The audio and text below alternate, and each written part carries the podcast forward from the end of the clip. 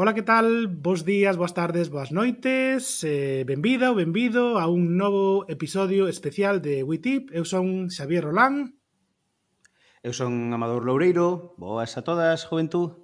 E vamos con un tema un tema curioso. Seguramente aprenderedes, cando a min, moitas cousas. Empezamos Empezamos.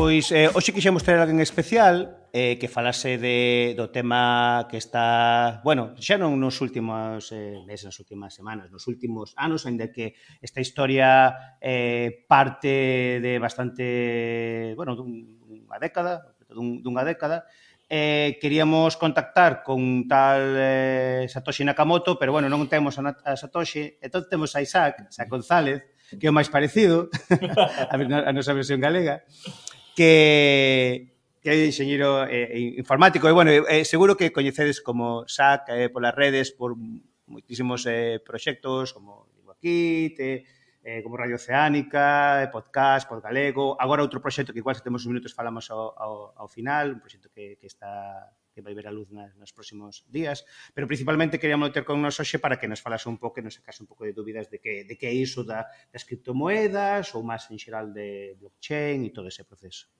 Bueno, pues, Hola Isaac, bo día. Eh, moi bo día, encantadísimo de, de estar con vos e, e nada, pues feliz de poder conversar un, un anaco sobre o tema que me apaixona nos últimos, diría, anos, non moitos anos, pero si sí, dous, tres anos.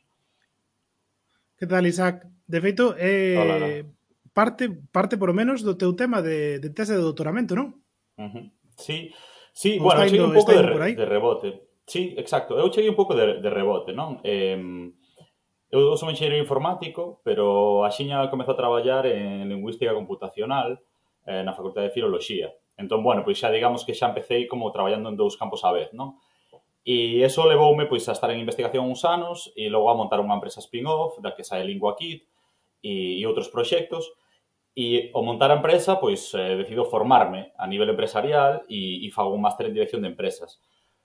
Dese máster en dirección de empresas, a parte financeira era unha das que máis me interesaba e, e tiña moi boa relación co profesor, co que fixen o, o, o traballo fin de mestrado e desde facía tempo sempre me dicía, isto precisa un, eh, uh, unha tese, isto precisa unha tese de doutoramento. E, bueno, cando vitalmente se me deron as circunstancias, pois lanceime a, a, a esa tese unindo as dúas cousas que últimamente máis me chaman a atención, non? que é a parte financiera e a parte eh, tecnolóxica que se unen en blockchain nas criptomoedas.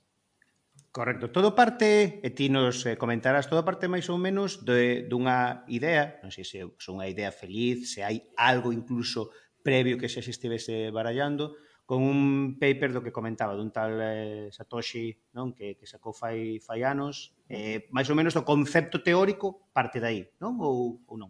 Ou como funciona a cousa? Sí, sí, sí, totalmente. Eh, de feito, é unha historia bastante simpática a, a nivel xa de historia, sin entrar ao mellor nos pormenores da tecnoloxía, a historia en sí é, é simpática. Isto ven un pouco do, do mundo da criptografía, que é como unha subrama das telecomunicacións e da informática, que o que fai é, pois, bueno, asegurar as comunicacións, non? E isto que permite, pois, eh, pois guardar contrasinais, eh, que nos comuniquemos de forma segura con un servidor. E entón, de, de ese mundo, un pouco con unha certa xenreira, todo hai que decilo, coa crise, coa crise bancaria 2007, 2008, 2009, eh, no que xa se estaba traballando en sistemas de diñeiro digital, un dos grandes problemas co diñeiro digital é que o digital está é moi fácil facer copias perfectas, non? Todos o sabemos. Temos unha fotografía e poñémola en internet e todo o mundo ten. Eh, entonces, o difícil no digital é o que é fácil no analóxico, que é facer cousas únicas, non?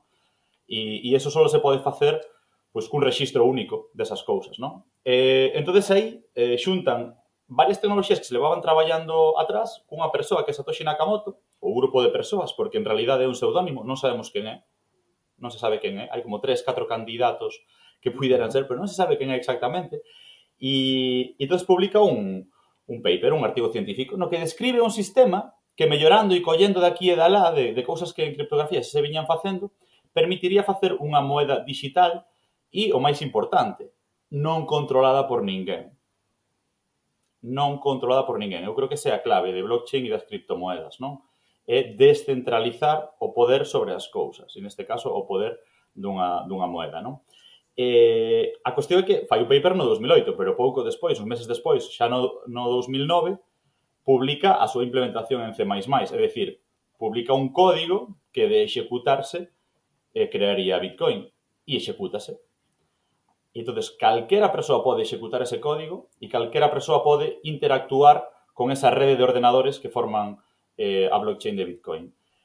A partir de aí nace nace Bitcoin, finais do 2009, se non lembro mal, hasta hoxe, e funciona inter, ininterrumpidamente 365 días ao ano, 24 horas ao día, desde fai 11 anos, proporcionando un sistema de intercambio de valor, que aí podemos entrar en todos os recoveques que pode dar eh, este tipo de, de frases, non? E, e tamén prefiro que me preguntedes vos, Pero aí, aí nace, e a día de hoxe non se sabe quen é Satoshi Nakamoto, non, non uh -huh. se ten nin idea. De feito, é simpático, porque hai un, un señor que se chama Satoshi Nakamoto, que se utiliza moito a súa foto, pero que que se chama así, pero non ten nada que ver co asunto, non? E, e que o levan as conferencias de blockchain casi como, en plan, bueno, aquí temos a Satoshi Nakamoto, guiño, guiño, xa sabemos que non é de verdad, pero, pero, pero aquí está, non? Uh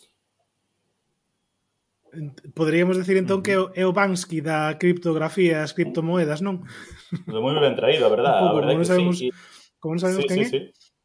sí, sí, tal cual. Non sabemos quen é, non sabemos se sigue eh, vivo, porque das, dos catra persoas que tiñan dúbidas, unha das persoas desgraciadamente xa xa faleceu, e, e non é fácil tampouco chegar a sabelo. Eh, cuidáronse moito de... Entón, a verdade que un dos inventos máis importantes das últimas décadas é, é de un anónimo.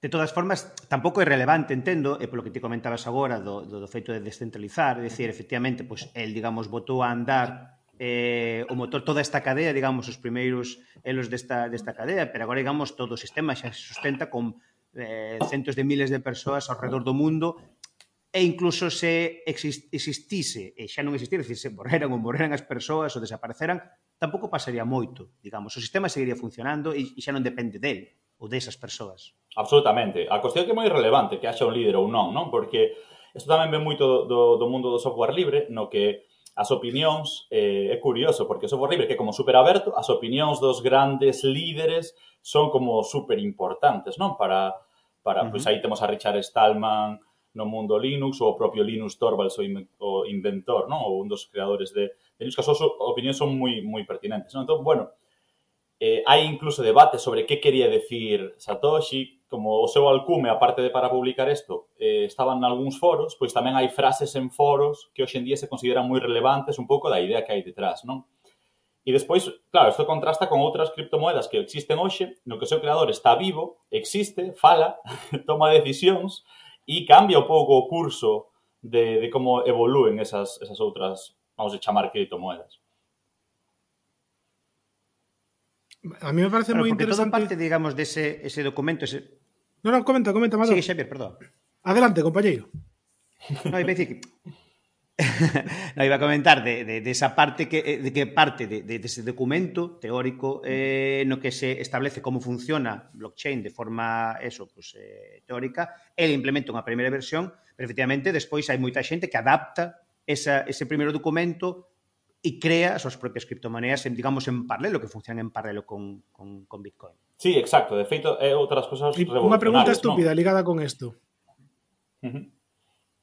eh, nesta adaptación que estades comentando, non? De, de insisto, eu vou a falar desde a máis absoluta ignorancia deste tema. Pero desta adaptación que, que se pode facer de, pois, pues, dese, dese paper free, non? Eh, uh -huh. É como xurde tamén a criptomoeda de Facebook. Por exemplo, como unha gran empresa que non coñecemos precisamente por as súas boas prácticas, que se, tamén se quere introducir neste mundo, non? Sí, completamente a historia oposta. É dicir, unha persoa que altruistamente crea unha moeda, digamos, cunha, con, con moita ideoloxía, non? Que todo, todo isto do cypherpunk ou uh, esta ideoloxía un pouco que, que ven un pouco do anarquismo tecnolóxico, eh, e que crea algo para que ninguén saiba quen é, decir, non vai recibir ni siquiera o crédito histórico de ter inventado nada, non? É, é bastante sorprendente, non? Eso, eh, por un lado, non? E que o fai desde un punto de vista científico e académico e logo desde un punto de vista de xellería informática e de software. Ese, digamos, o lado de Satoshi e de, e de Bitcoin. E logo está o lado de Facebook, que, que dice, ostra, isto ten boa pinta, por que non creamos a nosa criptomoeda? Y entonces es un poco contrario, ¿no? Es una gran corporación pues, porque quiere un poco introducirse en un nuevo mercado. No me parece ni bien ni mal, pero son historias muy, muy, muy contrapostas. A idea de Facebook con, con Libra, que ahora creo que ya cambiaron el nombre, bueno, está un poco de capa caída, todo hay que decirlo, porque Facebook, claro, vía un, una cosa importante ahí en la que podía entrar, pero que tenía empresas importantes también que iban da súa man, como Visa u outras, Pero chegado un momento, pois os gobernos deronlle un pouco as costas e outras empresas deronlle as costas, porque realmente é unha OPA importante o sistema financiero mundial e, bueno, non é fácil ganar aí, por moi Facebook que sea. Estás a escoitar un falangullo. Isto é un podcast en galego. Se queres descubrir máis, podgalego.agora.gal.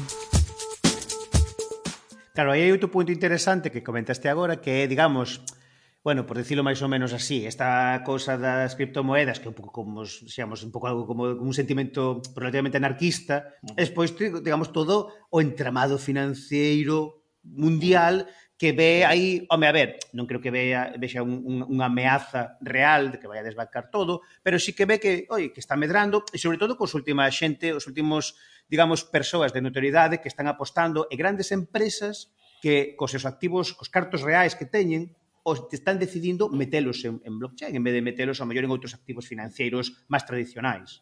Aí sí que hai un punto un pouco de inflexión e é interesante o que está sucedendo nos últimos meses, non? Mira, eu, eu a, a, a blockchain chamo yo de de internet. E non son moi original porque hai libros con ese título, quero dicir, non o inventei eu, non? Pero é unha forma moi boa de, de entendelo. É que internet está pensado para a comunicación de información e isto é un internet pensado para a transmisión de valor. E ese valor normalmente está moi asociado co mundo financiero, porque digamos que son os expertos, expertos, bueno, os que xestionan o valor do mundo, non? E claro, aparece un serio competidor. Entonces, é, é como internet cando apareceu eh, fai 20, 30 anos. A, aparece pois dunhos científicos do CERN, de é verdad que tamén dun proxecto militar de Estados Unidos, pero chega un punto no que se pode facer moitas cousas, dá unha serie de posibilidades que é como se ampliar a liberdade das persoas, non? Temos a liberdade de consultar máis cousas, de ver, de ver máis cousas, de guardar cousas, de comunicar nosotros con máis persoas. E isto é unha cousa, pois, para min semellante, non? E vai pasar, ou eso creo eu, ou creo que está pasando, o mismo que pasou con Internet, non? Que primeiro Internet era un pozo de liberdades e hoxe tens que pensar dúas veces escribir un tuit, non? Entón, hai como unha, unha especie como de eh, unir o mundo real co mundo digital, que é o que pasou en internet e eu creo que é o que está pasando en, en blockchain. Logo, estamos falando de unha cosa das máis importantes da nosa vida, que é o diñeiro. O diñeiro moldea a nosa vida. Pasámonos horas o día eh, condicionados por ter unha cousa que nos permite sobrevivir, que nos permite ter un fogar, que nos permite ter un, un a nosa alimentación, que nos permite as nosas condicións de vida. entonces eso moitas veces, eu creo que por cuestións culturais non lle prestamos suficiente atención e isto impacta directamente aí que ademais é algo que está monopolizado e, e xestionado polo Estado. Normalmente nosotros non temos moita queixa, pero bueno, en Argentina o millor xa teñen outras queixas. Bueno, non sei se entendedes por onde vou, non? Sí, sí, perfectamente. Uh -huh. Claro, pero, pero isto é como poñer un pouco eh, cancelas o, o, o campo, porque eh, facendo paralelismo con eh, eh, eh, sabendo que, que eh, Bitcoin ten basamentos en no, no P2P, no peer-to-peer, -peer, eh, un pode pois, pechar as cousas típicas, as páxinas de descargas, por cuestións legais, e gobernos e iso, pero o que é o protocolo e o funcionamento sigue estando aí. É prácticamente imposible paralo agora mesmo. Eh, fai moita gracia esa frase. Amado. É dicir, poden establecerse o mellor cuestións legais. Sí, digo que me fai moita, moita gracia esa frase, como máis temos confianza e tal, sempre fixo moita gracia, de, non se lle poden poñer cancelas ao campo, non? Pero é que en realidad póñenselle, o sea, quer dicir, é que en Galicia temos o, o campo máis, con máis cancelas que se nos poida ocurrir, o sea, claro que se pode poñer, o sea, é unha frase que, que, que, que eu non lle atopo sentido porque claro que se poden poñer e a internet puxéronselle. E é verdad que os protocolos P2P siguen aí, pero canta xente descarga música ou vídeos hoxendía? Moi pouca, non? Eh, eh, pensemos que Eh, en sitios como Alemanha tes, tes a posibilidad incluso de ir a, ir a cadea, e Alemanha non parece Corea do Norte, non? Eh, por, por descargar cousas. Ou, ou, ou sitios como Francia que podes quedar sin conexión a internet, co que eso supón por descargar cousas, non? E ademais cunhas leis moi abusivas. Logo aquí en España temos cousas, pois non sei se mellores ou peores, non entro a valorar, como a Sociedade Xeral, Sociedade Xeral de Autores, que, bueno, hoxendía está un pouco máis tranquila, pero houve épocas nas que foi moi belixerante a nivel eh, legal non co, con, con ese tema. E eu creo que en criptomoedas non creo que entre, falte moito para entrar en ese terreo, sinceramente. En que haxa unhas sancións punitivas moi, moi, moi bestas. Claro, é que eh, na forma na que estás expoñendo o tema, eu o que, o que se me ocurre pensar é, bueno, pues neste mundo descentralizado do, de, ou que se pretende descentralizar do eido financeiro, eh, acabades de citar tamén o papel que están xogando os estados ou en que situación quedan, e a banca. Quero dicir, a banca tradicional, que foi a que monopolizou a industria do diñeiro, eh, que fai? Porque se me ocurre tamén pensar unha analogía co mundo do, dos coches eléctricos e, e do, dos produtores de petróleo e as, as gasolineiras. Por que non foron elas as que, se, a que, as que empezaron a liderar esta transición enerxética? Quero decir, por que non son agora os bancos os que eh, tratan de impulsar o Bitcoin como, como que vai ser o futuro. Vamos, non quero dicir o presente porque non o conozco, pero sí pinta por o que comentades que vai ser o futuro. Sí, bueno, Deus é bon e o demo non é malo, non? Que dicimos normalmente. E, e entonces eu creo que lle poñen unha vela a cada un. e, outro día fíxome gracia porque saía alguén do BBVA dicindo que non recomendaba a inversión en criptomoedas, non? E, bueno, poñades así como moi serio e tal. E, bueno, facían chanza porque creo que sacaron como medio un producto, así como eh, secundario de inversión en criptomoedas e tal. Claro, o BBVA invertiu no que é unha das maiores casas de cambios do mundo, que é Coinbase, fai non sei cantos anos. Tuvo unha inversión privada aí eh, nun dos líderes de, do que serían as empresas relacionadas con mundo das criptomoedas, que a súa vez vai salir a bolsa pronto en Estados Unidos, non? Entón, eu creo que a banca xoga as súas cartas, e as súas cartas é que se coñecen moi ben, digamos, o establishment, que, que, que traballan moi ben con el, que Entonces, bueno, eu creo que si hai en algún momento un, un aponte, pois, pois é probable que, que, que estén eles aí ou non, e é unha das grandes dúbidas, honestamente. É dicir, será a banca capaz de coller isto e do malo ou nacerán eh, cousas novas a, a marxe da banca que tomarán, digamos, o, non o relevo, eh, porque eu creo que isto vai ser un paralelo, non? O sea, eh, pensade tamén como, eu creo que nós casi todos vivimos un pouco o, o xurdimento de internet, xurdían digitais, pero en realidad ao final o que pasou foi que a maioría dos xornais tradicionais montaron o seu digital e logo primeiro era un pouco de broma, logo máis en serio. Pois eu creo que isto pasará algo semellante, eu, eu creo, non? A miña dúbida grande é os líderes novos serán virán de cripto, virán dos bancos, de onde sairán? Por, por avanzar un pouco máis no, no que comentábamos ao principio do, do contido de como funcionaba cada de bloques, non vamos entrar nas partes técnicas porque é unha, pois, que pouco non, eu non entendo todo o todo que está de, de, por debaixo, pese a poder ler o paper, o paper é cortiño, podese ler e calquera persoa con certa base pois, de ciencia pois, pode máis ou menos entender o concepto como, como funciona, de que non comprenda os detalles. Pero unha cousa que, eh, que me pareceu superinteresante foi unha evolución posterior, porque eh, o, o, paper en particular nace, pues que eso, pues como un sistema, pues digamos, eh, financiero de crear unha, unha moeda para, para Internet, como comentabas ti antes. E agora un paso máis alá é que, vale, e, e se en lugar dunha moeda é o que agora falas de, de contratos é un algoritmo informático que se poda validar ou non validar e salen pues, cousas como pues, Ethereum e, e estes protocolos, non se podes falar un pouco sobre, sobre ese, este seguinte paso, digamos, ou esta seguinte evolución. Sí, ademais eu creo que é a máis interesante. Eh, eh, creo que Bitcoin é moi interesante por, por, por todo o que ten de histórico, uh -huh. pero esta, esta nova evolución tamén tamén o é. Casi, se, se me permitides, fago unha pequena intro de, do que a blockchain, a cadea de bloques e un pouco eh, en que consiste así rapidamente para entender e o seguinte salto, non? que serían as, as programables.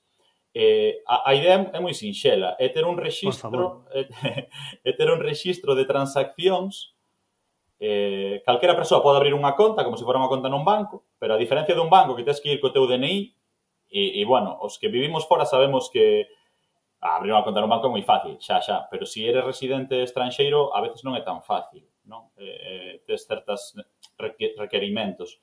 Entón, bueno, aquí non, non hai requerimento ningún. Ni siquiera tens que poñer un email. Tú chegas e pides un número, danche un número e unha clave, punto. Vale? Que eso é o que se chama unha, unha billeteira, un, un wallet. Entón, tú xa tes unha conta e, entón, con esa conta ti xa podes recibir e enviar. Hai un software que che permite recibir e enviar. Todos esos envíos ou recibos vanse a almacenar na blockchain, na, fadea, na famosa cadea de bloques. A idea é que en vez de ser un rexistro, eh, por exemplo, pois Eh, a banca ten todas as transferencias que envían ou reciben os seus clientes, non? Vale, pois Bitcoin ten todos os envíos e todo o que se recibe de todas as contas do mundo, pero en vez de tela en un único sitio, tena en mil sitios á vez, que son os famosos mineiros, xente que pon o seu ordenador a xestionar esas transaccións, non? A recibilas, a envialas, e, bueno, mediante algoritmos un pouco máis complexos, eh, que é por o que gasta tanta electricidade, eh, convírtese eh, pois, en algo que ninguén manda, a diferencia de a banca, non? A banca non o vai facer, pero tería a posibilidade de calquera día, pois, apagar os seus ordenadores e que nós nos quedemos sin conta, non? Ou o goberno podería ordenarlle aos bancos, como pasou en Argentina, que non den diñeiro, non? Aquí non podería pasar porque non hai ninguén o mando. A seguinte iteración é que en vez de solo poder sumar e restar nas contas, é dicir, pois eu mando vos un bitcoin a cada un, non? Pois sumanlle un na conta de, na conta de un e sumanlle o outro Bitcoin na conta do outro. Temos a posibilidade, en vez de sumar e restar, facer calquera operación programable. E entón, eso permítenos casi calquera cousa que nos permita a programación, pero en vez de executala no meu ordenador ou no vos ordenador, execútase en ese ordenador global, en esa rede eh, de ordenadores en rede, que a primeira criptomoeda máis famosa é, é Ethereum, non? E que eu creo que pois a que está dando todo este empuxe actual e permite facer tantas cousas diferentes e non só pois unha moeda en sí mesmo, non? Por iso que siguen chamando criptomoedas, pero son eh, eh, moito máis. Non sei se máis ou menos o, o expliquei porque sempre sempre teño a dúbida, digo, bueno, eh, cando, cando o conto eh, tan resumido, pois ao final sempre mintes un pouquiño e, e, e resumes moito, entón repreguntade se fai falta, por. Hai un montón de documentación e un fantástico boletín que se chama Consenso que se explican todas estas cousas e no que se pode topar moita máis información ao, ao respecto.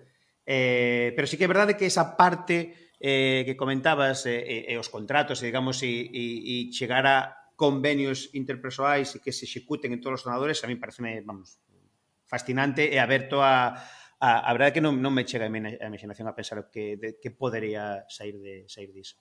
Sí, sí, pásame exactamente igual, eh? O sea, eu creo que eh... estamos sin, sin saber o límite desto. Perdón, Xavier.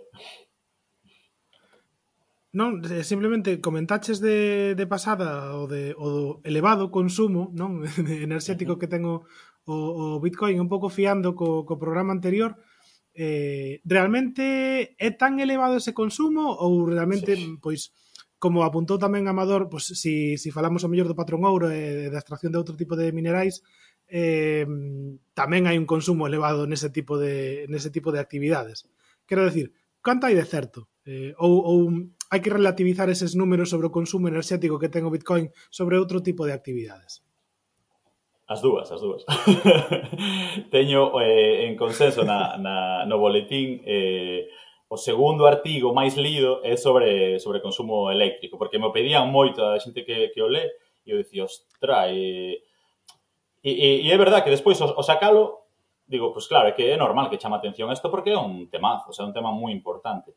entonces sí, sí que é verdad que consume moitísimo. E por moito que por moito que me poida gustar o tema, por moito que Bitcoin me parezca moi interesante e tal, é un problema é un problema, ten moito eh, consumo eléctrico. E o peor dese problema é que ten un consumo eléctrico porque porque está non morrendo de éxito, pero porque o creador nunca pensou que tería tanto éxito. Ainda que ele estaba pensando en facer unha moeda para todo o mundo, en realidad está se vendo que non dá para unha moeda para todo o mundo. Non, non, non, non dá, non, non é posible. De feito, só hai 21 millón, só vai haber 21 millón de, de bitcoins, non? O sea, ca, canto bitcoin podería ter o mundo, pois, pouco, en realidade, non? E, e despois está o tema do consumo eléctrico, as transaccións son lentas, son caras... Bueno, como moeda de uso corrente eu non o vexo. Ahora, como reserva de valor como ouro, pois, pois claro, é, é moi interesante. entonces eu o que fago nese, nese artigo é contextualizalo, sin dar moitas respostas, porque eu creo que non hai respostas, hai un pouco opinións de cada un e, e son dimensións que eu creo que se nos escapan aos, ás persoas normais, non? Pero efectivamente, pois, eh, eh, a extracción de ouro a día de hoxe anualmente é... Eh, pois teño aí os, os datos nese artigo, pero creo que eran 100 tera, teravatios eh, anuais, algo así, e, e Bitcoin eran 20. Entón, como, era como a quinta parte. Falo de memoria, eh, probablemente me bailen os datos. Cando en valor, Bitcoin máis ou menos é a, a décima parte de, de ouro. Que pasa? Que o ouro tamén gasta moitísimo máis, porque o ouro hai que extraelo, pero despois pois hai que procesalo, despois hai que guardalo, despois hai que poñerlle unhos gardas con metralletas na porta e unha cámara acorazada. Que todo, isto tamén gasta electricidade, gasta moitas cousas. Non? Entonces, bueno, tratado de poñer un pouco eh, en perspectiva, non? Máis que dar unha, unha resposta de eh, que, que, bueno, que ao principio, non? Que sí, que é moito, pero eh, é moito, moitísimo, bueno, pois pues, aí xa o deixo a elección de cada, de cada persoa. Ola. Estás a escutar um falangulho. isto é, un podcast em galego. Se queres descubrir máis, visita osgalego.org osgalego.org E falas do ouro como eso, como mm, concepto tangible e, e con valor uh -huh. e, e agora tamén nas últimas eh, semanas, meses, Estase falando das cousas intangibles que se están dando valor usando pois, tamén as cadeas de blockchain, son os, os, os eh, NTP, os eh, tokens non fungibles, eses que se falan, digamos, de elementos, transaccións con elementos digitais que son, como dicías tamén ao principio desta conversa, facilmente copiables, entonces que sentido ten que a min me des un, un ficheiro eh, JPG, si, total, lo pode copiar 50.000 personas e vale que eu teño mellor, pues, digamos, a certificación de que o primeiro, falanos un pouco de, de, de isto que está agora tamén en moda. Super moda, os NFTs, de feito, pues, é o último artigo que me costou moito, moito escribilo porque non os entendo, o sea, entendo a tecnoloxía dos NFTs, dos tokens non fungibles, non entendo o que acabas de dicir ti, non? Por exemplo, o creador de Twitter, Jack Dorsey, que está super metido en cripto, vendeu o seu primeiro tweet. E o seu primeiro tweet algo así como Hola, vos días, estou en Twitter, algo así, non? E, e vendeu uno por uh -huh. dos millóns e medio de euros. O sea, quen paga dos millóns e medio de euros por un tweet que podes ver calquera día? E... Como, como? Ou? entón, é, é, é en bueno, realidade... Dicía, pouca, pues, pouca broma, dos millóns e medio de euros. Pouca broma, claro, claro. Entón, bueno, eu creo que hai aí mm, bueno, unha parte de burbulla probablemente é difícil de decir, porque as burbullas só se saben cando estoupan. O sea, non, nunca o sabes cando, cando suben. Pero, en que consiste? Pois moi fácil. Eh, un bitcoin é un bitcoin. Eu ducha ti un bitcoin, pois, pois xa está, tú tes un bitcoin, pois e cambias yo a outra persoa por outro, pois to, os dous tedes o mismo, non? É o que se chaman os tokens fungibles ou calquera cosa que se poida gastar ou intercambiar, non? En cambio, no artigo ese poñía un pouco o exemplo das casas, non? Se eu che cambio a miña casa pola túa casa, as casas non son intercambiables. É dicir, se eu me compro un chabolo aquí ao lado e cho cambio, eu dixenche que che va dar unha casa, non, dixenche que ibas dar a túa casa. Entonces, son entes con identidade, non? E, e entonces creouse a posibilidade de na blockchain registrar esos entes con identidade, normalmente asociados a produtos digitais, porque son facilmente metibles en blockchain. A cuestión é que isto podería estar un token asociado á túa casa, podería haber un token asociado a, a, ao libro que escribiches, e donde eu creo que está o interesante, que como é programable, poderías crear, por exemplo, este podcast podería ter asociado un NFT e que alguén vos diga, bueno, eu son pa patrocinador do podcast, pero voume levar un 10% de todo o diñeiro que xere o podcast, por exemplo. É dicir, A cuestión é que unha vez que tú rexistras nun sitio que é independente, de forma moi fácil, calquera cousa, podes ter acceso a todos os dereitos asociados. Sin necesidade de ter que ir a un notario, sin necesidade de ter que crear unha empresa. entonces no fondo é facilitar e desintermediar. E, e claro, a, a, a tolería é, porque isto xa, os NFTs existen desde fai dous anos, máis ou menos, a cuestión que melloraron un pouquiño e sobre todo evolucionou moito todo o ecosistema que hai ao redor. Entonces, por exemplo, agora pois hai cartas de, de futbolistas, entón pois tú podes comprar cartas de futbolistas que teñen asociado que se o futbolista fai unha boa temporada, che dan uns premios, se fai unha mala temporada, pois pérdelos, non? Entonces, bueno, eh, hai moitos xogos asociados a este tipo de, de ítems. A súa vez, tú tamén os podes coleccionar e hai xente que eu non entendo, pero gusta lle coleccionar pues, figuras digitais, non? Eh, tampouco nunca entendí moi ben, por exemplo, todo este tema dos, dos bonecos, non? De colección, porque son bonecos industriais que veñen nunha caixa, se os quitas da caixa perde o 80% do seu valor, tal. Eu nunca entendín eso, pero sempre me costou moito o tema dos NFTs, e aí, eh, pois, confésome un pouco incómodo, non? Porque non entendo moitas das cousas que a xente os levan a tomar esas decisións, que no fondo é o meu campo de estudo a nivel da, da tese, non? Pois vamos, eh, que non se enteremos de Panini. Claro, bueno, é eh. unha cousa como é como arte, valorar a cultura. Caramba, pero Panini existe aínda. Sí, sí, existe, eh, eh anuncias en radio, de feito.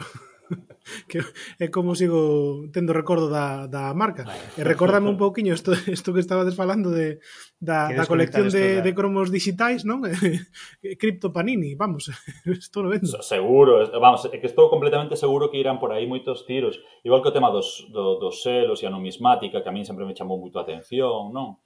Incluso a colección de moedas, non? O sea, eh, son cousas que eu creo que teñen unha componente social importante e que se están tratando de levar ao digital, como tantas outras cousas que se trataron de levar ao digital.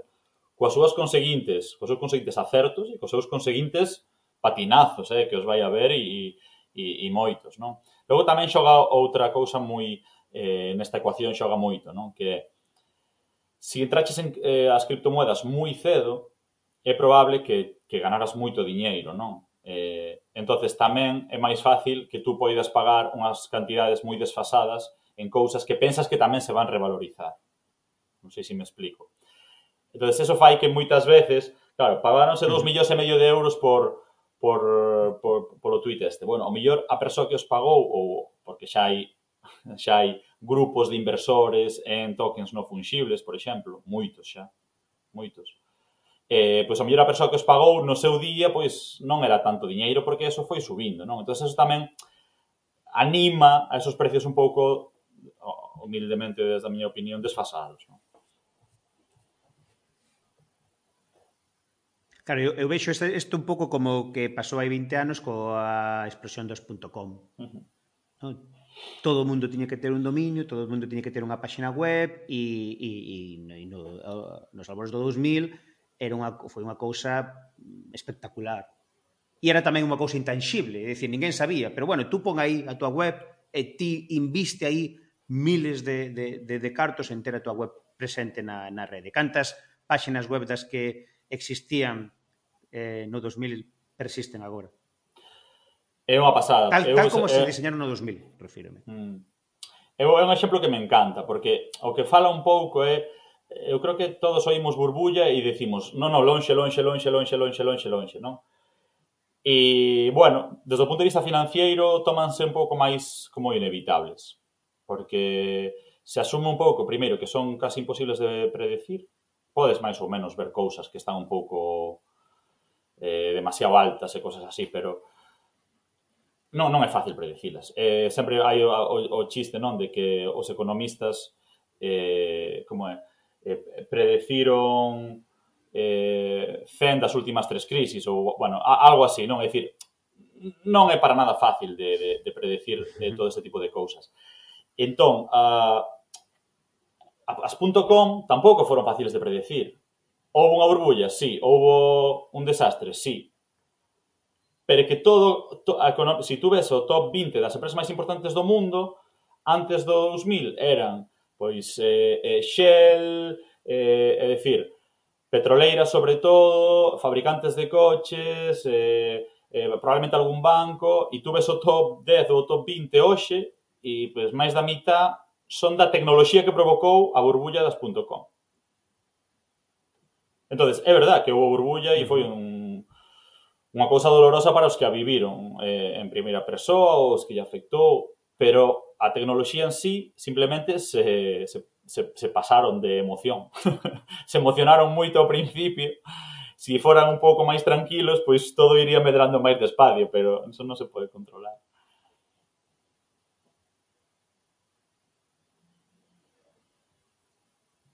Totalmente. Bueno, pois máis ou menos, agora que estamos o mellor convencidos de vamos a investigar un pouco como empezamos, que facemos, como probamos sin arriscar moito, vendo como funciona, entendendo a tecnoloxía. Sí. Bueno, eh, o sea, o primeiro suscribirse a Consenso Newsletter, que é onde máis ou menos respondo a esa pregunta todo o que podo. eh, unha vez feita a cuña, pois hai, hai, hai como dous camiños que hai que recorrer, non? Ou tres digamos, está o camiño da aprendizaxe, e aí un pouco eu meto todo. Meto a tecnoloxía, pero meto tamén a parte financiera ou económica.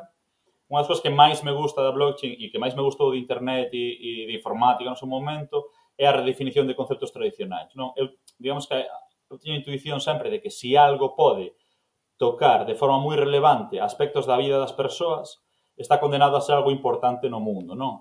E está, ademais, ben aparellado con moita evolución eh, que a min intelectualmente atraeme moito, non? O sea, todo que vai a ter ese impacto e, e esa evolución a min gusta moito. Entonces, blockchain pasa eso, que redefine moito que é diñeiro, que é valor, eh, e empezas a investigar, e, e iso é un camiño que hai que facer, e que eu creo que todo o mundo debe de, debe de facer, non? Eso por un lado. Logo, por outro lado, está, se si queremos eh, entrar a isto, pois pues, hai que abrirse unha conta nun exchange, nunha casa de cambios, e, e, e poñer unha cantidad de diñeiro eh, nesto, non?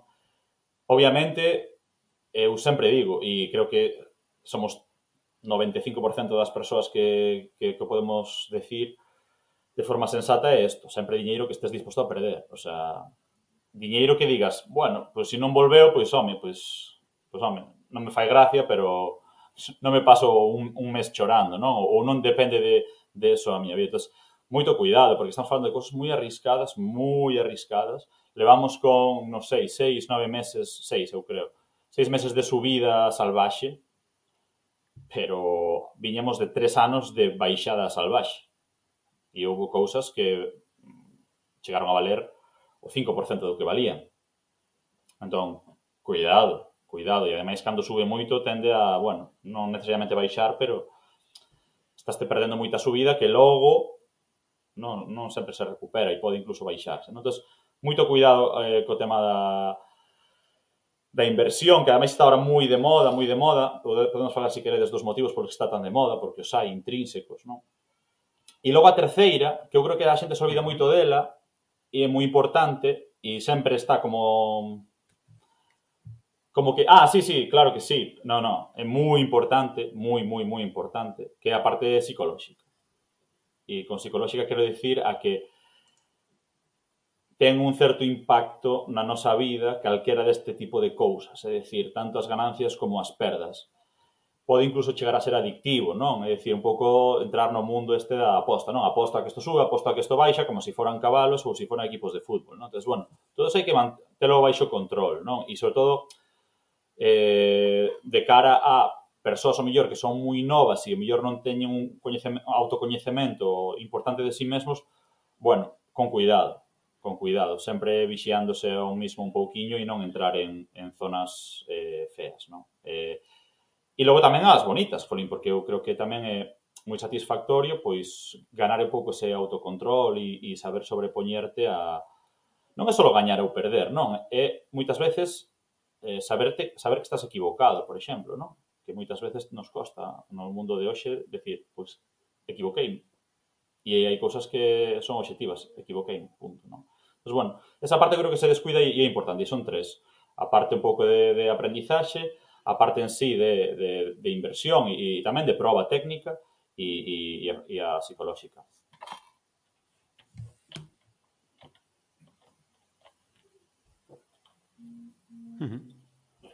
Totalmente. Non sei se queres eh, falabas agora de porque de que o que está pasando, se queres desem, eh, quitarlle o pó a bola de cristal, eh, facer as valoracións túas personais, se te apetece. Eh, de, de que en concreto? Des, desa parte pues, das, das inversións, de... non? Ah. Que podería... Esas... Uh -huh. Non sei se Amador ibas preguntar por aí, por esa parte das, das inversións e das motivacións intrínsecas que, que, que bueno, esa que eh, omitiu deliberadamente, eh, o mellor, eh, non sei se queres comentalo, porque supoño que tamén estarán ligado un pouco coa situación que levamos un ano vivindo mm, eh, sí. eh, e que poden ter moito de psicolóxico tamén. Sí, claro, o sea, primeiro estamos nun contexto no que as persoas levamos metidos na casa e con unha baixa relacionamento social, polo menos de non digital eh, importante, non? Con moito tempo que moita xente dedicou a, a aprender, a descubrir e a probar cousas novas, non? Despois tamén, pois, moitos dos gastos extraordinarios non se produciron, como, como vacacións ou como bueno, moitas cousas, non? Entón, moita xente dice, va, teño aquí un pequeno diñeiro, pois por que non, non? Hai varias. E, e despois, eh, eu creo que hai unha que ao mellor é menos obvia, pero para min é a, a mai de todo, non? E é a mai desta tolería que estamos vivindo un pouco, creo E é, digamos, de feito é o artigo que máis lecturas ten eh, eh, na newsletter e a moita distancia do outro, porque, bueno, colleu certa repercusión que é o, o da impresora do diñeiro, non? É un artigo que se titula A impresora do diñeiro fai brrr, que é un meme moi famoso nos Estados Unidos e, e que aquí tamén está chegando, non? E, e é que, claro, os gobernos poden imprimir todo o diñeiro que queiran, todo o diñeiro que queiran. E sempre se, se nos dixo que non podían imprimir demais porque senón aparecía unha cousa que se chamaba inflación. A inflación basicamente é que o diñeiro sigue sendo o mesmo, pero as cousas valen moito máis. entonces en resumidas contas, o diñeiro é menos. Non? E, e bueno, pues, nada menos que a hiperinflación alemana pues, le, le, levou, entre outras cousas, pois pues, históricamente, despois deso, non digo que fora a causa, pero sí que temporalmente houve unha hiperinflación e despois chegou un, o, o réxime nazi, non? Porque a economía se destruiu por, por esa hiperinflación e, bueno, está un pouco todos estos casos de que a xente iba a comprar o pan con a carretilla de, de billetes e cousas destas, non? Que de un día para outro subía o precio das cousas muitísimo. En Venezuela está pasando un caso de, de hiperinflación eh, tremendo. entonces claro, pensar, eh, vos decís, bueno, pois pues eu pues cobro mil euros o mes, pois pues isto dame para pues, po aluguer, para comida e tal, pero de repente todo todo vale moito máis se tú cobras 1.000 euros ao mes, por tanto, aí temos un problemón, non? E logo está a segunda, bueno, pois eu teño uns aforriños aí, porque teño 40, 50, 60, 70 anos, e son os aforros da miña vida. E claro, o sea, no banco non me dan nada por eles, porque antes sí, pero ahora xa non. Eh, se si hai moita impresión de diñeiro, é probable que esos aforriños, que a mí me costou moito facelos, e que, digamos, son para que na xubilación eu, pois, pues, poida estar un pouco máis tranquilo ou Claro, pois no fondo mm, esfarelanse, porque si valen menos, o sea, decir, o número é o mesmo, pero si podo comprar moitas menos cousas, entonces claro, eh, a xente están obli obrigando a, a tomar moitos riscos. O primeiro risco é a bolsa, porque bolsa inmobiliario ou criptomoedas, xa non hai moito máis onde onde facer unha inversión de, de diñeiro. Entón, claro, eso vai a propulsar probablemente, ou creo que está propulsando, é que moita xente invirta porque non che queda outra, non? O sea, os nosos vellos dicían, bueno, pois puxeno no banco a tipo fixo, dan pouco, pero é seguro. Pero que agora non existe semellante cousa.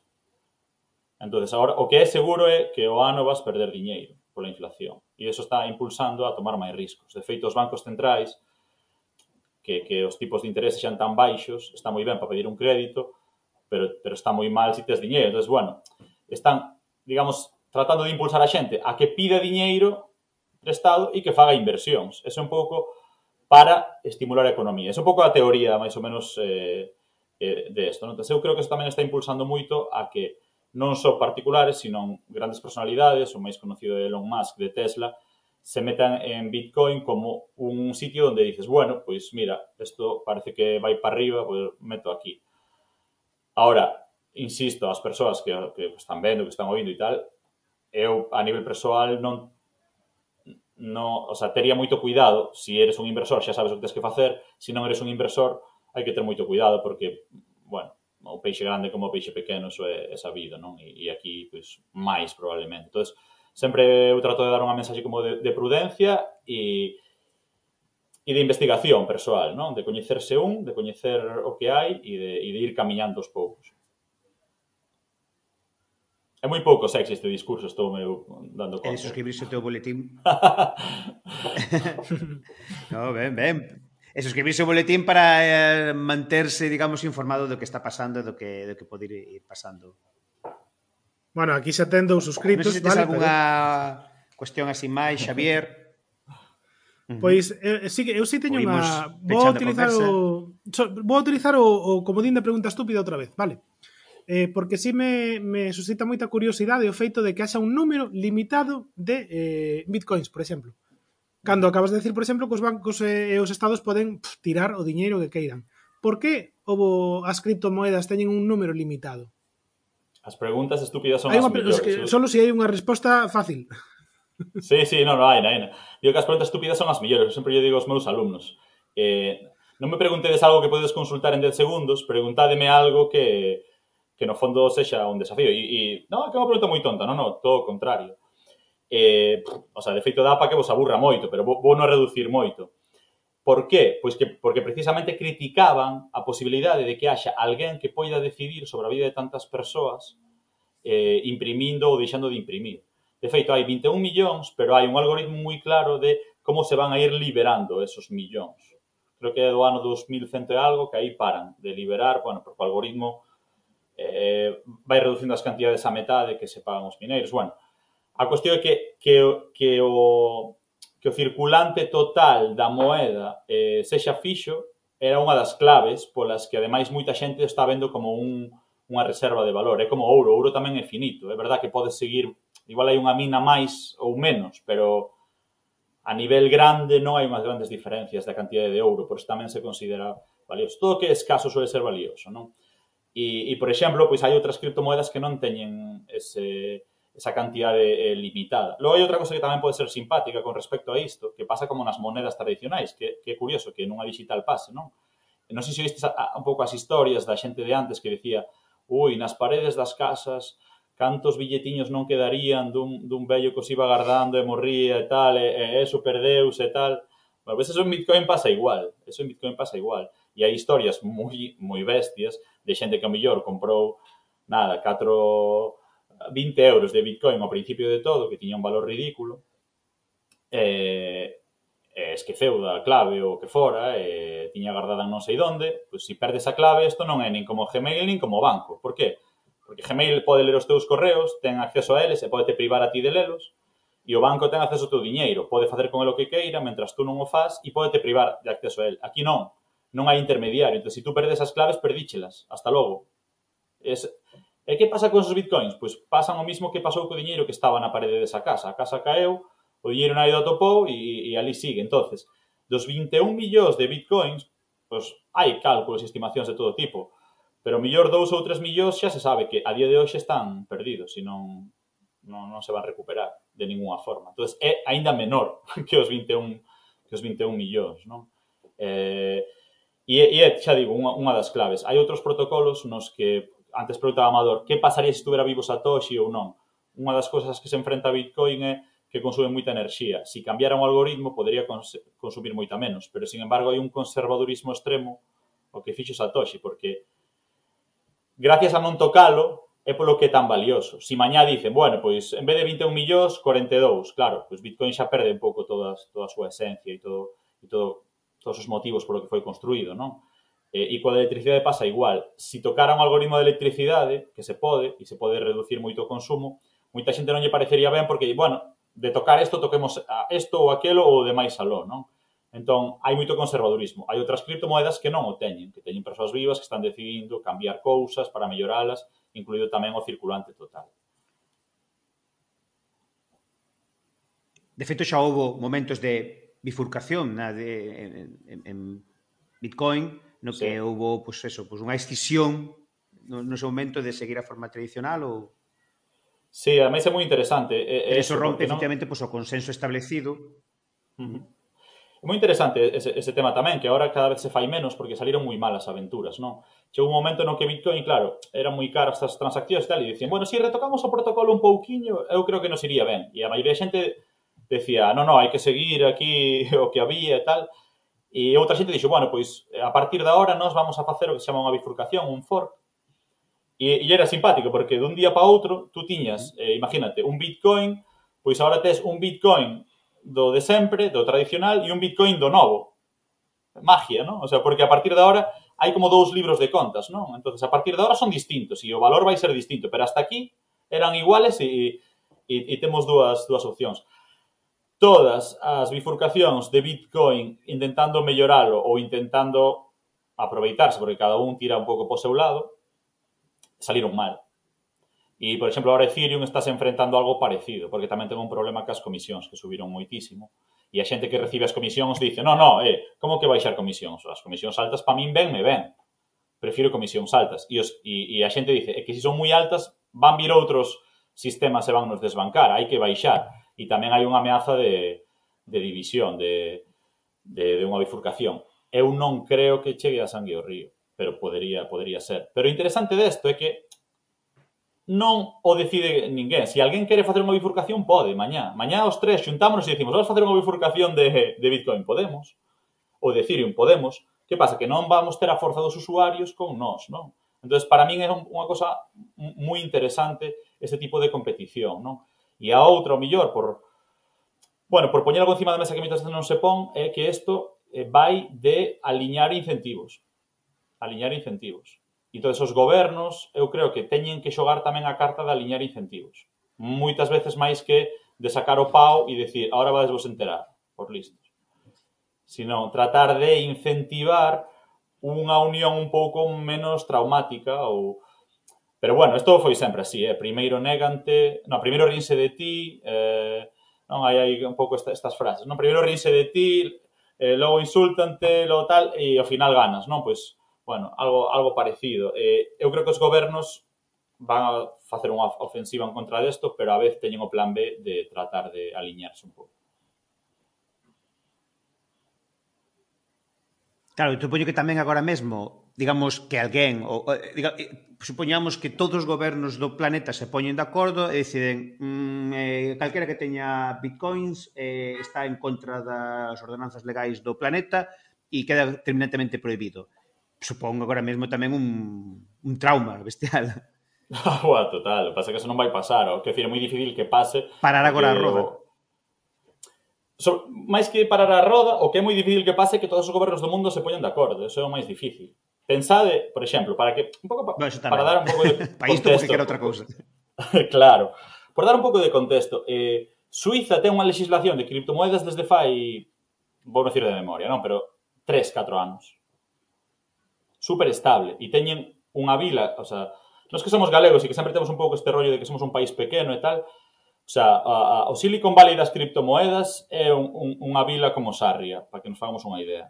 Vale, que é É unha vila moi pequeniña eh, nun, nun cantón suizo. Non? Por qué? Porque ten unha legislación estable na que Suiza se compromete a non andar dando bandazos, é un país tradicionalmente moi estable, no que as cousas non cambian moi rápido, non chega un goberno e dice todo isto fatal, no, ahora renovables, pois agora non renovables, pois agora imposto sol, pois agora sen imposto sol. Pois...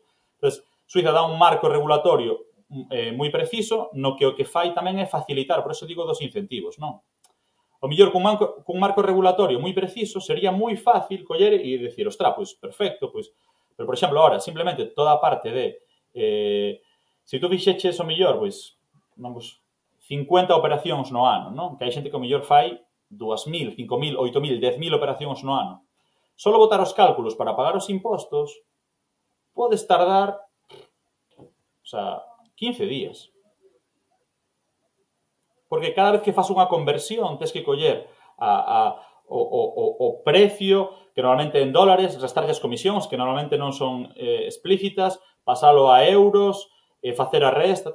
Entón, é imposible que, que, que, que unha persoa que, que faga moitas operacións eh, eh, de feito, o que suelen facer normalmente é unha conta estimativa por diferencias, non non entrar no detalle. Non? Entón, claro, legislativamente é un, é un, é un desastre, porque ao final estás un pouco incentivando a que a xente ou, ou, ou non pase por caixa ou pase con medo, no sentido de que imposible calcular, fago un cálculo estimativo e a rezar, non? Entón, eu creo que ese tipo de incentivos eh, son os que, os que fan falta. E normalmente os países que proíben as criptomoedas suelen ser países eh, con problemas monetarios. Por exemplo, Nixeria proibiu nas fai pouco, mete medo, tres meses despois o, o, o que as prohibiu dice que, bueno, que tan malas non son, que, bueno, que hai que empezar a afloxar e tal. Por que? Porque digamos que teñen moedas que son... Claro, nós un pouco co paraugas do euro estamos máis tranquilos porque temos unha política monetaria moito máis estable, eh, a pesar de que se priva moito, pero eh, eu coa peseta, mi madriña, non me quero nin imaginar como estaríamos, vamos, ou, ou, ou con eso, con, con, con moedas pequeniñas, eh, que xa debos a Libra nos 90 foi super vulnerable a un ataque de especulador, non? Pois imaginadevos outras moedas. Non sei se ao mellor me, me escapei un pouco do que do que preguntabas, pero No, pues, o que pasa é que poderíamos estar aquí horas e, e horas e habría que poñerlle un peche se que hai alguén, que alguén escoitando. Agora que, agardo que sí, porque a verdade que é superinteresante. interesante. Se queres, eh, e aínda que non sexa directamente o que estamos falando agora, e por poñer tamén outra outra cuña, eh, falar do un proxecto que vai sair nos próximos días, e no que tamén estás metido. Sí, pues máis un pouco. Sí, conto, conto, do que podas conto. falar do que queiras falar. no, sí, sí, eh, non hai ningún problema. De feito, unha idea que me ronda a cabeza desde fai 10 anos, así que eh, eh, non, é, non é moi secreta, sempre lleva contando e aburrindo a todo o mundo con ela, non? Eh, nada, ten, non ten nada que ver coas criptomoedas e é casi como un capricho ou unha ilusión, mellor dito, que teño desde fai moitos anos. Non? E que eu daba a sensación, é un proxecto comunicativo eh, para o espacio comunicativo en galego en internet. Non? Dá a sensación de que hai moitísimas cousas boísimas que se están facendo e que sempre pasa o mesmo, que, que mesmo eu que teño moito interés, atopoas, pois cando están xa medio para acabar ou cando a xente, como non tuve repercusión, non seguiu traballando, Entonces, sempre había como moita dificultade, non? Tuvemos primeiro Vieiros, que foi moi importante para a internet en galego, despois tuvemos Chuza, que facía as veces de que cando algo interesante había, aparecía aí, e fai tempo que non temos eso, non? E, e entón, bueno, pois, a idea é moi, moi sinxela, facer unha, unha páxina na que este referenciado uh, contidos digitais eh, en galego, non? Vai ser un portal no que automáticamente as publicacións de máis de 30 sitios se van a organizar de forma é moi sinxela en categorías, na que vamos referenciar máis proxectos. Xente, por exemplo, que está dando tempo todos os días, non? que está dando un pronóstico do tempo cos seus comentarios todos os días. É increíble que alguén faga eso desde a súa casa eh, de forma amateur, non? Pois, pois, pois vai estar, non? Eh, vamos ter pois, cosas máis de humor, pois, o, o horóscopo celta, por exemplo, que é super simpático, non? É eh, eh, así de coña. Eh, despois vamos a tratar de referenciar comunidades que están facendo moi ben, non? Pois inmodestia, pero Podgalego sería unha das comunidades que últimamente os podcasts están montón, Twitch en galego, xente do mundo do Instagram. Hai un montón de cousas por aí, pero que están como desperdigadas e cada un un pouco a súa. A idea un pouco é referencialas todas nun, nun sitio, sobre todo porque ademais Google non nos trata moi ben. Entonces é unha forma de decir, mira, pois vou aí e logo xa sigo o meu camiño, non? Sempre sempre pedindo permiso, sempre sempre digamos co beneplácito dos creadores de contidos que son os os, os reis desto, non? E, e, e os que os que fan todo. E nada, sacarémolo pois eh, moi pronto, moi pronto. Eu non creo que máis aló de 15 días eh, estará, estará xa disponible. Estamos cos últimos retoques. Que queira estar ao tanto, a onde acudir? Ah, é verdad que non, non, non dixen a URL, eh, agora.gal, ademais eh, por agora tedes nada, unha mensaxe para poñer o, o mail, para que vos avisemos de cando saímos e un pouco que vos teñamos un pouco a tanto do proxecto, os máis así que vivan o proxecto máis a tope, que poñan aí o seu mail, non non damos o coñazo, simplemente avisamos e contamos un pouco o proxecto en primicia a xente que, que ten máis ganas de seguilo e cando saia, pois serán os primeiros en saber, ademais, os suscriptores. E, e xa digo, salir, salir, salirá moi pronto. Agora, punto gal, no que eu, por exemplo, flipo. Flipo porque eu estaba seguindo moito o tema dos creadores eh, en galego online e cando te posa a facer eso e empezas a facer a lista e un te leva outro, e outro, outro, e outro, dices, ostra, pero é increíble, hai moitísimo, moitísimo e moi, e moi bueno. Entón, vamos tratar de darlle un... Somos tamén moito de chorar o, o, o morto e non facerlle caso ao vivo, non? Entón, bueno, vamos a tratar de, de facerlle moito caso aos vivos. Pois sí. E, e dende logo seguir a sección que teña que teña Isaac aí porque isto é o que está facendo agora, pero a saber o que seguirá facendo cando se Nada, cando encontre outra motivación para seguir facendo cousas porque A verdade é que non hai maneira de paralo, chico. Mira que intentamos, pero nada. Isto é como como quen dice, hai que romper as, as pernas como a Messi porque senón é imposible paralo, pois pues este. Hai que quitarlle a conexión a internet a Isaac porque senón non hai maneira. Chico. No, mira, é, é fácil, é. Eh solo non podes con amigos sí, eh? o sea, é, é, é eu son moi liante, todo que me conoce xa o sabe, e, e empezo moitas cousas, pero se non é por toda a xente que hai por aí eh, eh, traballando nin, nin, nin de broma, non? porque o día é, é, é corto e temos obligacións todos. Pois moi ben, pois moitísimas grazas polo teu tempo. Non sei, Xavi, se queres algo máis? No, no, eu, de, mira, de feito, eh, todavía teño a cabeza boadísima de todos os conceptos e todo o que tratamos sobre, sobre criptomoedas e eh, blockchain. Eh, encántame, encántame que, que as cabezas non paren, vale? E que necesitamos máis cabezas como a, como a de Isaac, necesitamos eh, vou facer unha cuña un pouco política, non, entre comillas, a política pero política ao mesmo tempo. Que que así é como se construe o país. Vale, así como, como se prexa tamén, pois, como o que acabas de decir, contra, contra a tiranía de Google e o, o menosprezo que, que nos ten pois a, a aqueles que nos expresamos nunha lingua que non considera publicitario, porque eh, é así, en resumidas contas. Eh, eh, vamos, que Isaac, mm, un placer terte aquí, eh, seguiremos estando en contacto, máis aló das ondas, agora con este proxecto tan chulo que vai quedar na descripción do podcast, obviamente, para, para que poidan acceder a él. E, e seguro que habrá unha segunda unha segunda visita a este a este WeTip porque quedaron moitas cousas, vale, quedaron eh, xurden sempre máis dúbidas, que se bo tamén, que xurdan máis dúbidas ao mesmo tempo que, que nos, eh, bueno, ofreces unha panorámica sobre un segmento no que, vamos, eu diría que o 98% da poboación non ten nin a máis mínima idea. Pois pues nada, un placer, a mí encantame falar, así que cando que irades Mm. Sí, cando agora este listo eh, traémolo de novo e xa é máis de comunicación e todo o ámbito que nos interesa a todos tamén e, e falamos máis o, en profundidade disso. Moitas gracias, Isaac. Perfecto, un, un placer enorme eh, estar, estar con vos. Moitísimas gracias. Ata o seguinte episodio logo. Hasta logo. Chao.